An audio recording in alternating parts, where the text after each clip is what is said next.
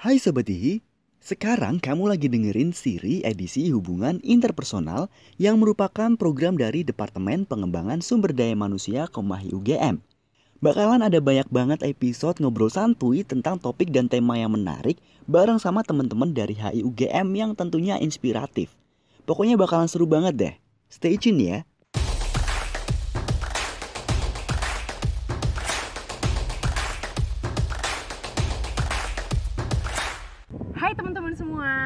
Selamat datang lagi nih di podcast kita, podcast hubungan personal episode kelima. Nah di sini baik lagi sama aku Vivi, kita bakalan ngomongin tentang magang.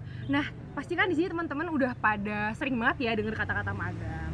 Tapi kayak kira-kira ngapain aja sih magang buat anak HI itu bisa di mana aja gitu kan? Nah kita bakal kupas tuntas tentang uh, permagangan di HI kita bakalan ngobrol-ngobrol soal magang sama narasumber kita yang keren banget yaitu ada Aldo Raffi dan Fawas Khair nih.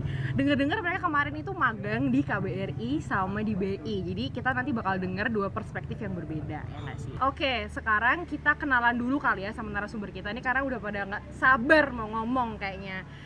Yang pertama kita uh, kenalan dulu sama Aldo Raffi. Gimana nih Kak Aldo kabarnya? Alhamdulillah Vi baik. Keren banget. Nih kesibukannya ngapain aja kalau boleh tahu? Kalau sekarang sih paling cuman ini aja Vi ya kan uh, lagi skripsian juga. Jadi mungkin lagi sibuk revisi-revisi sama nyusun sih. Sangat produktif sekali ya Oh, di, jelas. di, di apa namanya di pandemi covid ini ya Kita kan harus nyari kegiatan yang bermanfaat lah ya Vi ya Hmm, untuk bener. kan, gitu. Keren, keren. Aku setuju Daripada sih. gabut nggak ada kerjaan, mending kita cari yang produktif. produktif keren banget Setuju, aku setuju siap, siap, oke oke kita mungkin tanya ya sekarang dari Fawas kira-kira kesibukan dia ngapain sih Hai Fawas Halo. lagi sibuk apa nih Was Sebenarnya sekarang sama sih ya kayak Aldo, lagi skripsian, lagi revisi-revisi. Tapi kan eh, karena kita tidak memungkiri kita butuh pemasukan, jadi saya juga sekarang lagi bekerja nih ngurus-ngurusin beres-beresin kosan dan lain sebagainya. Jangan lupa pakai kita jagain ya. keren banget kalau nggak salah kemarin aku denger-denger itu apa udah ke mana-mana ya sampai bersihin kosannya Iya, alhamdulillah pelanggannya udah ya lumayan disyukurin aja pelan-pelan. Niatnya kan kita membantu. niatnya bukan- membantu. Ya, membantu. udah gitu ya. alhamdulillah juga dapat tambahan gitu kan jadi kayak. Keren banget. Nih emang narasumber kita hari ini sangat menginspirasi ya sangat keren gitu. Jadi nggak salah pilih narasumber. Nah mungkin sobat hi di sini pada bingung ya kita bakal ngobrolin soal magangnya kayak gimana sih? Jadi kita bakal ngobrolin dari kegiatan mereka apa aja. Nanti kita juga bakal ngobrolin tentang gimana sih proses-proses mereka bisa sampai magang di sana. Terus sampai kita bakal ngobrolin juga tentang apa sih hal-hal yang kayak paling memorable gitu buat mereka Nah, eh, sebelumnya mungkin aku pengen nanya dulu ya ke, ke Aldo dan Fawas nih. Boleh cerita mungkin kemarin magang di mana, terus kenapa sih kok magangnya pilih itu? Kenapa nggak yang lain? Aldo dulu deh, mungkin yang lebih HI nih, yang lebih HI dulu nih Aldo. Oke. Boleh, keren. boleh, boleh, boleh. Oke, makasih banyak Vi sama Fawas. Eh, sebelumnya aku perkenalan dulu ya, nama aku Aldo Raffi eh, dari HIUGM 2017. Aku asalnya sendiri dari Pekanbaru. Terus eh, kemarin aku itu magang di awal tahun 2019. Itu periode Januari Februari itu di KBRI Manila. Nah, jadi sebelumnya eh, kenapa pilihannya itu gitu ya Via? Karena kan sebelumnya uh, mungkin aku sempat terpikir ya dari awal masuk HI sih sebenarnya kayak mau mikir wah kayaknya emang passion gitu sih di pemerintahan dan juga KBRI. Jadi waktu itu sempat ke- kepikiran beberapa negara misalnya kayak uh, Malaysia atau mungkin yang di deket-deket ya Singapura segala macam tapi waktu itu uh, tiba-tiba nih aku ditawarin sama Kating kayak diajak tuh eh do mau nggak nih magang di Filipina? Gitu. Wah aku kan karena sebelumnya nggak pernah juga ke Filipina dan pertama kalinya ya aku magang tuh maksudnya aku juga pertama kali keluar negeri waktu itu excited banget ya udah aku tanpa pikir panjang pilih ke situ dan juga sesuai ya Eh, emang pengennya ke KBRI ya akhirnya ke situ berdua sama temenku kayak gitu sih Keren, keren, keren. Berarti emang kayak ibaratnya tuh itu udah jadi mimpi nggak sih dari dulu? Bener banget, bener jadi banget. kayak cocok ada kesempatan kenapa enggak? setuju Nah, kita sekarang bakal dengerin dari Fawas nih kira-kira. Kenapa sih Was kok kamu milih magangnya di BI gitu? Halo, uh, aku Fawas, Fawas Muhammad Hair, aku dari HI17 uh, eh, Aslinya dari Jogja. Um, Aku kebetulan waktu awal-awal magang, awal-awal nyari magang ini Aku tuh emang dari awal sih karena aku anak HI Jadi aku pengen kayak, wah magangnya pengen sejalan dengan HI gitu loh. Dari awal tuh pengen, emang pengen di Kemlu karena uh, niat awal menjadi diplomat tuh kan tinggi waktu itu kan. Terus kayak satu-satunya cara untuk bukan satu-satunya sih maksudnya uh, kemungkinan terbesar untuk bisa dapat link dapat uh, apa namanya rasa untuk bekerja di tempat yang diinginkan tuh ya di Kemlu gitu loh tadinya. Tapi uh, waktu itu aku lagi nyari uh, nyari-nyari kesempatan magang sama temanku Denis. Itu tuh kebetulan uh, departemen yang kita mau di HI itu tuh lagi penuh udah penuh udah penuh dan uh, kalau kita mau cari di departemen lain tuh kayak takutnya malah nggak enjoy gitu loh untuk untuk magang. Jadi waktu itu kita putusin untuk uh, ya udah apa kita cari di sektor lain aja apa ya yang coba-coba juga kan sekalian. Nah kita langsung waktu itu masukin aja uh, syarat-syarat kita ke BI waktu awalnya awalnya nggak pernah kepikiran untuk untuk magang di BI karena kayak emang apa sih hubungannya korelasinya sama BI gitu kan? Itu kan kayak agak jauh gitu bu. Maksudnya itu kan lebih ekonomi. Hmm. tapi ya karena kita pengen dapat pengalamannya jadi kayak kita kait-kaitin aja. Gue aku anak aku anak EPI terus kayak ya tapi alhamdulillah sejauh ini setelah merasakan magang itu worth it kok magang di sana worth it ya worth it. kayak banyak banget pengalaman dan banyak banyak banget berbagai macam selain pengalaman berbagai didapat macam. juga iya banyak lah btw tadi Aldo nih kamu apa sih konsennya kalau nggak salah EPI juga atau yang lain nih kalau Hawas kan oh berarti inline lah ya inline, EPI inline, dan inline. BI gitu yeah. kan kalau kamu apa nih ini. Aku sama sih kayak Fawas sebenarnya. Oh iya untuk teman-teman mungkin uh, EPI itu ekonomi politik internasional ya. Tadi uh, mungkin udah sempat di TV juga. Jadi aku sama sama Fawas sih. Untuk konsentrasinya gitu. Jadi sebenarnya nggak ada korelasi lah ya. Maksudnya iya. bisa ke mana-mana aja betul, betul, gitu kan. betul, betul. ya maksudnya jadinya maksudnya gak, kita nggak terbatas gitu loh. Kayak mau nyobain field apa pun bisa ya, ya kan. benar, benar, keren keren. Oke deh um, terus mungkin ini ya teman-teman kayak penasaran gimana sih kok bisa akhirnya keterima magang gitu? Karena kan pasti teman-teman kayak wondering ya susah nggak sih? Apakah kayak ada seleksinya atau kayak first come first serve? Kayak gitu kan kita nggak ngerti. Jadi mungkin boleh cerita dari Aldo dulu kira-kira proses yang harus dilaluinya itu kayak gimana?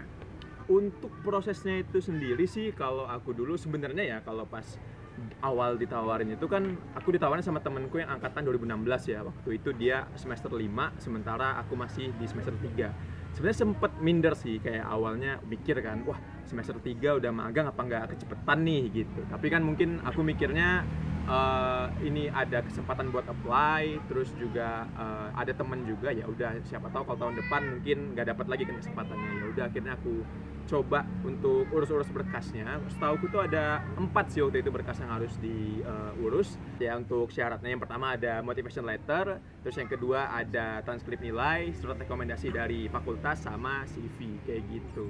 Terus juga itu sebenarnya udah lama gitu ya via persiapannya udah beberapa bulan sebelum berangkat. Aku juga excited gitu ya. Waktu itu uh, belum pernah ke luar negeri. Itu yang pertama kali. Terus um, akhirnya wah banyak nih ekspektasi-ekspektasi wah luar negeri itu gimana Manila itu gimana gitu kan. Dan juga mungkin kalau Manila kan hal yang baru ya. Kalau Malaysia dan juga Singapura mungkin sudah uh, banyak orang yang pergi ke sana. Manila ini kan bener-bener ya cukup baru untuk aku juga kan. Jadi uh, untuk berkasnya seperti itu terus juga mungkin untuk ekspektasinya nanti deh bakal kita jelasin lagi lebih okay, okay. spesifik. Keren. Tapi berarti kok itu tuh first come first serve ya? Kamu nggak nggak pakai seleksi gitu kan? Uh, jadi kalau untuk itu iya sih kita nanti langsung aja kita email dulu nih uh, KBRI nanti dibales nanti kita langsung aja tuh siapin segala persyaratannya kita kasih dan nanti kalau misalnya dari pihak sananya ACC kita bakal dikasih letter of acceptance ini berguna banget sih untuk nanti uh, pas di imigrasi apa di mana tuh ya bisa dibilang langsung dikasih izin lah karena suratnya udah valid gitu. Oke, berarti sebenarnya nggak susah ya kayak kita cuma perlu apply aja gitu loh.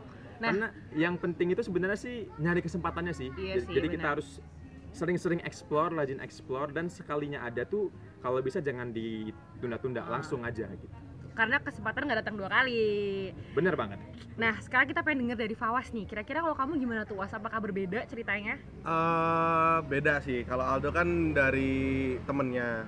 Uh, kalau aku sendiri, Aldo ini, oh ya for for your information, Aldo ini tadinya magang paling awal. Jadi dia kayak kita tuh belum ada kepikiran magang sama sekali angkatan 17 ini tiba-tiba dia udah magang duluan ke Filipina terus kayak kita semua kaget kayak keren banget ini nih kok udah orang. magang duluan gitu kan Hmm, keren emang mau sombong kan oh niatnya kamu dari malah awalnya bukan terinspirasi kamu malah kayak ke trigger ya kayak enggak, ke-trigger. Ke-trigger kita tuh banget. ke-trigger kayak aduh ini orang sengak banget Iya, ya iya, tiba-tiba iya, dia iya. langsung magang gitu kan terus bisa kita bisanya Mm-mm, bisa-bisanya langsung di Filipina lagi Nah, emang beda ya kelasnya iya, iya, iya. beda Keren-keren emang nih ya Aldo. emang keren lah si Aldo ini keren banget gitu.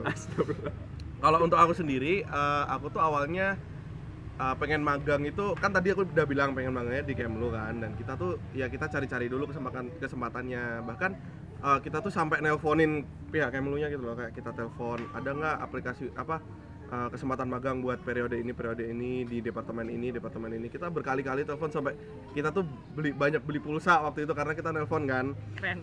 Uh, tapi uh, kebetulan waktu periode yang kita inginkan kesempatan magang di departemen yang kita mau tuh udah penuh dan uh, karena kita mungkin waktu itu masih sibuk tugas-tugas dan itu kan semester hektik kan semester 3 4 itu.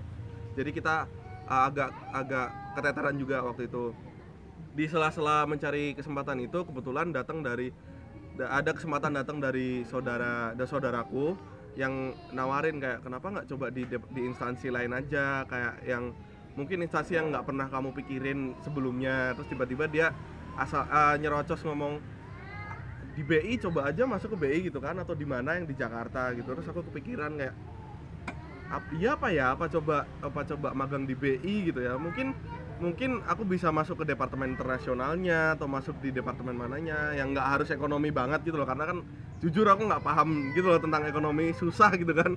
Bukan bukan bukan jalanku gitu kan. Kayak walaupun kita ngambil lintas lintas ekonomi politik tapi kan itu nggak nggak yang pure ekonomi banget gitu kan.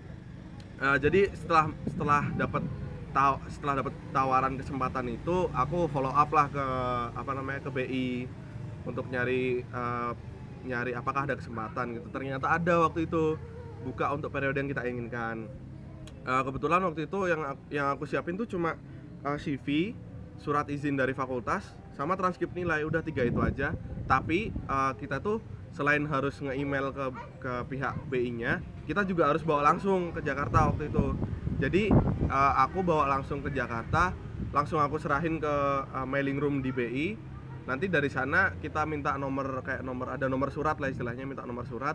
Nah itu yang kita follow up. Jadi kita eh, beberapa beberapa hari setelah itu atau beberapa minggu setelah itu kita telepon pihak BI-nya nanyain nomor suratnya itu apakah udah masuk atau belum. Nah setelah itu setelah kita follow up kan eh, ada email balasan dan juga ada konfirmasi bahwasannya kita udah udah bisa keterima. Nah sebelumnya waktu itu tuh aku bener-bener lupa sebenarnya. Jadi aku tuh waktu masukin eh, pro- masukin ke BI itu tuh aku nggak nyebutin mau di divisi mana. Ternyata diacak Ah, kebetulan aku bertiga nih masukinnya aku Denis sama Nana. Nah yang dua ini aku sama Denis itu masuk ke departemen in, eh, dekom hum- eh, komunikasi humas dan si Nana ini masuk ke departemen internasional. Aku tuh bingung karena aku tuh belum pernah sama sekali memegang tentang media. Aku tuh nggak tahu apa sekali apa sama sekali tentang media dan itu pun nggak sejalan dengan yang aku pelajarin di di jurusan eh di konsentrasiku kan karena aku kan EPI gitu. Terus kayak aduh ini gimana nih? Bakal caur apa enggak nih? Atau bakal bakal bakal susah apa enggak nih? Tapi uh, setelah dijalanin bisa kok ternyata asal asal kita mau belajar aja asal kita mau belajar aja gitu Berarti emang sebenarnya sama ya kayak mungkin karena menurutku sama-sama dari badan pemerintahan sih ya. Jadi mungkin prosesnya lebih kayak first come first serve gitu kan. ya first come first serve. Soalnya kalau nggak salah aku kan sempet juga kemarin udah cari-cari info buat magang kan. Cuman Mm, mm. covid jadinya kayak ya gitulah. Kayaknya sih kemarin kalau nggak salah yang agak beda tuh mungkin kalau kita mau magangnya di NGO sih. Hmm, karena dia oh kayak- gitu. Apa ya requirementnya lebih ribet terus bahkan kayak ada seleksi juga. Jadi kayak kalau ini kan kayak first come first serve kalau dia kayak cuma ngambil beberapa orang dan itu kayak dikit kayak gitu. Hmm, Itu hmm. sih.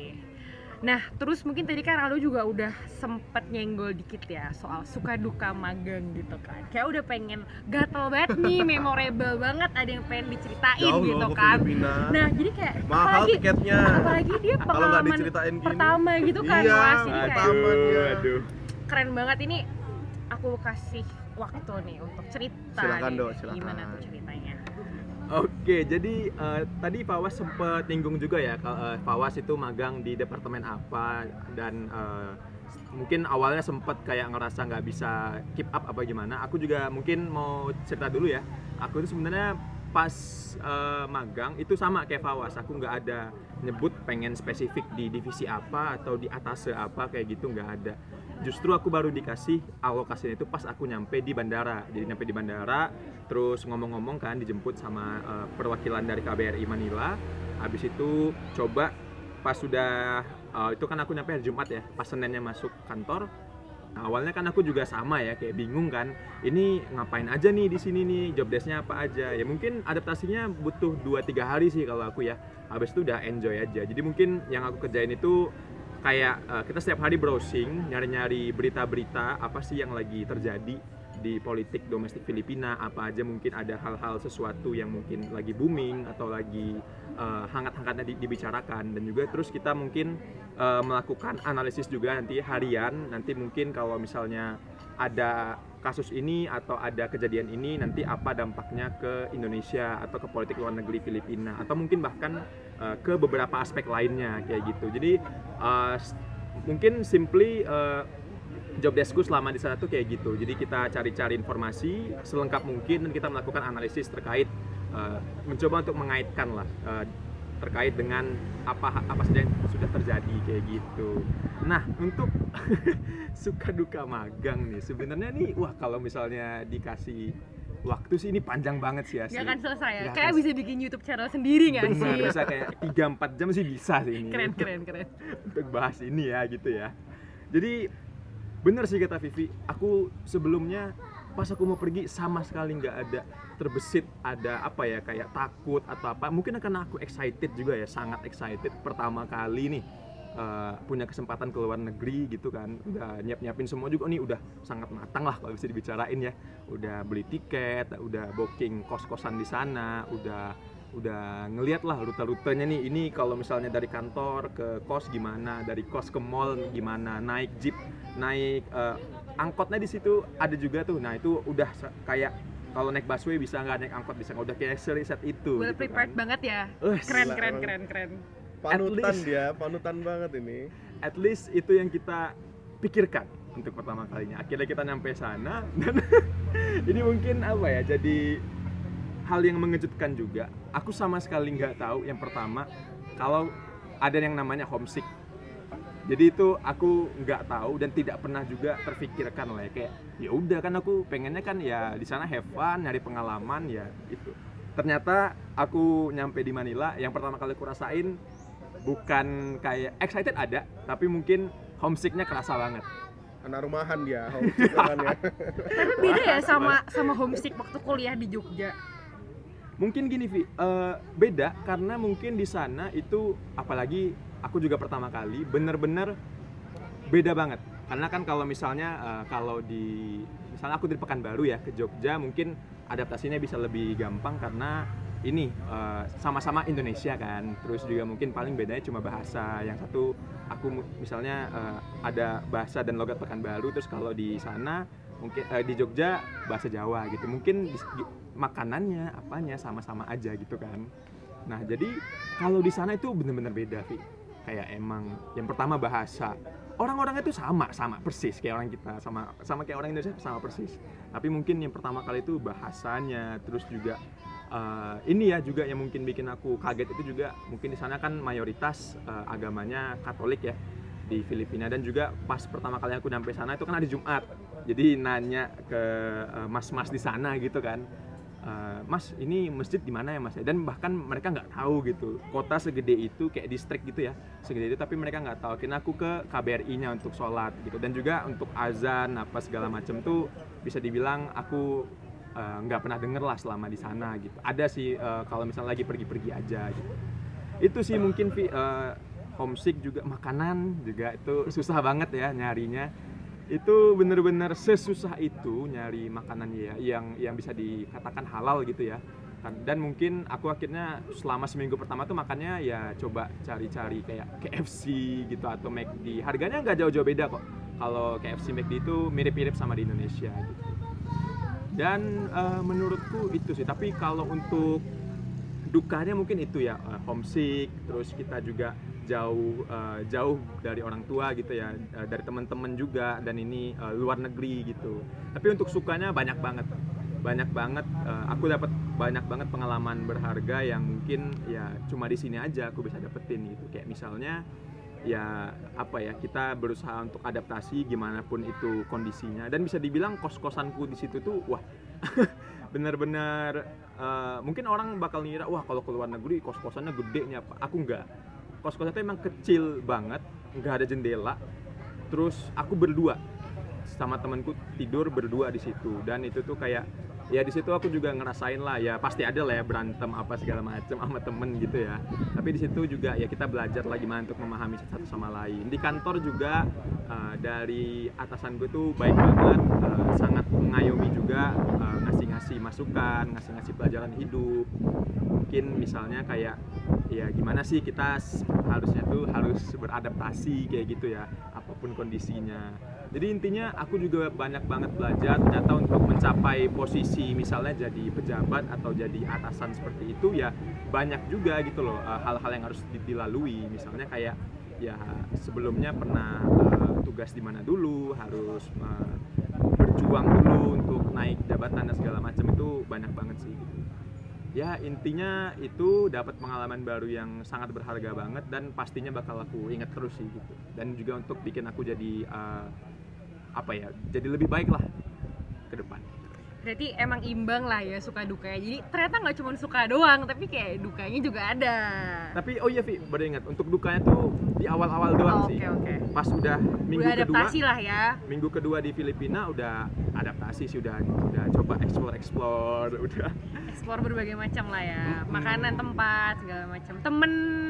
terus juga satu lagi Vi yang berharga banget ya pengalaman kerja sih Oke. kayak misalnya uh, aku jalan kaki ya dari kos-kosan ke uh, kantor terus juga ternyata tadi yang aku kira aku udah well prepared well prepared banget ternyata tuh sangat sangat sangat tidak gitu loh nih Kenapa tuh kalau jadi tahu? ada uh, aku kan berdua jadi Ah. juga ada uh, temanku juga satu jurusan uh, kakak tingkat berdua juga dan ternyata mereka tuh sangat sangat sangat prepared jauh dibanding kita. Kalau persenan gimana tuh dok kira-kira? persenannya kita mengira awalnya kita udah 100% ya. Ternyata turns out sampai di sana itu cuma 20% 30% paling ya karena gini kita tuh sama sekali nggak nggak mikir kalau eh bawa rice cooker portable nggak ya? Bawa rendang nggak ya gitu. Bawa makanan Indonesia kita tuh kan wah kita kan pengennya nih eksplor makanan gitu ya. Ternyata bahkan jujur aja ya awal-awal aku di Filipina aku ya sering-sering ngetok tempat temanku juga minta nasi.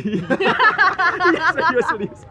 Eh, Mas boleh minta nasi nggak ya Mas? Nih ih, kita belum keluar Mas belum sarapan gitu. Terus sarapan bareng di atas gitu ya.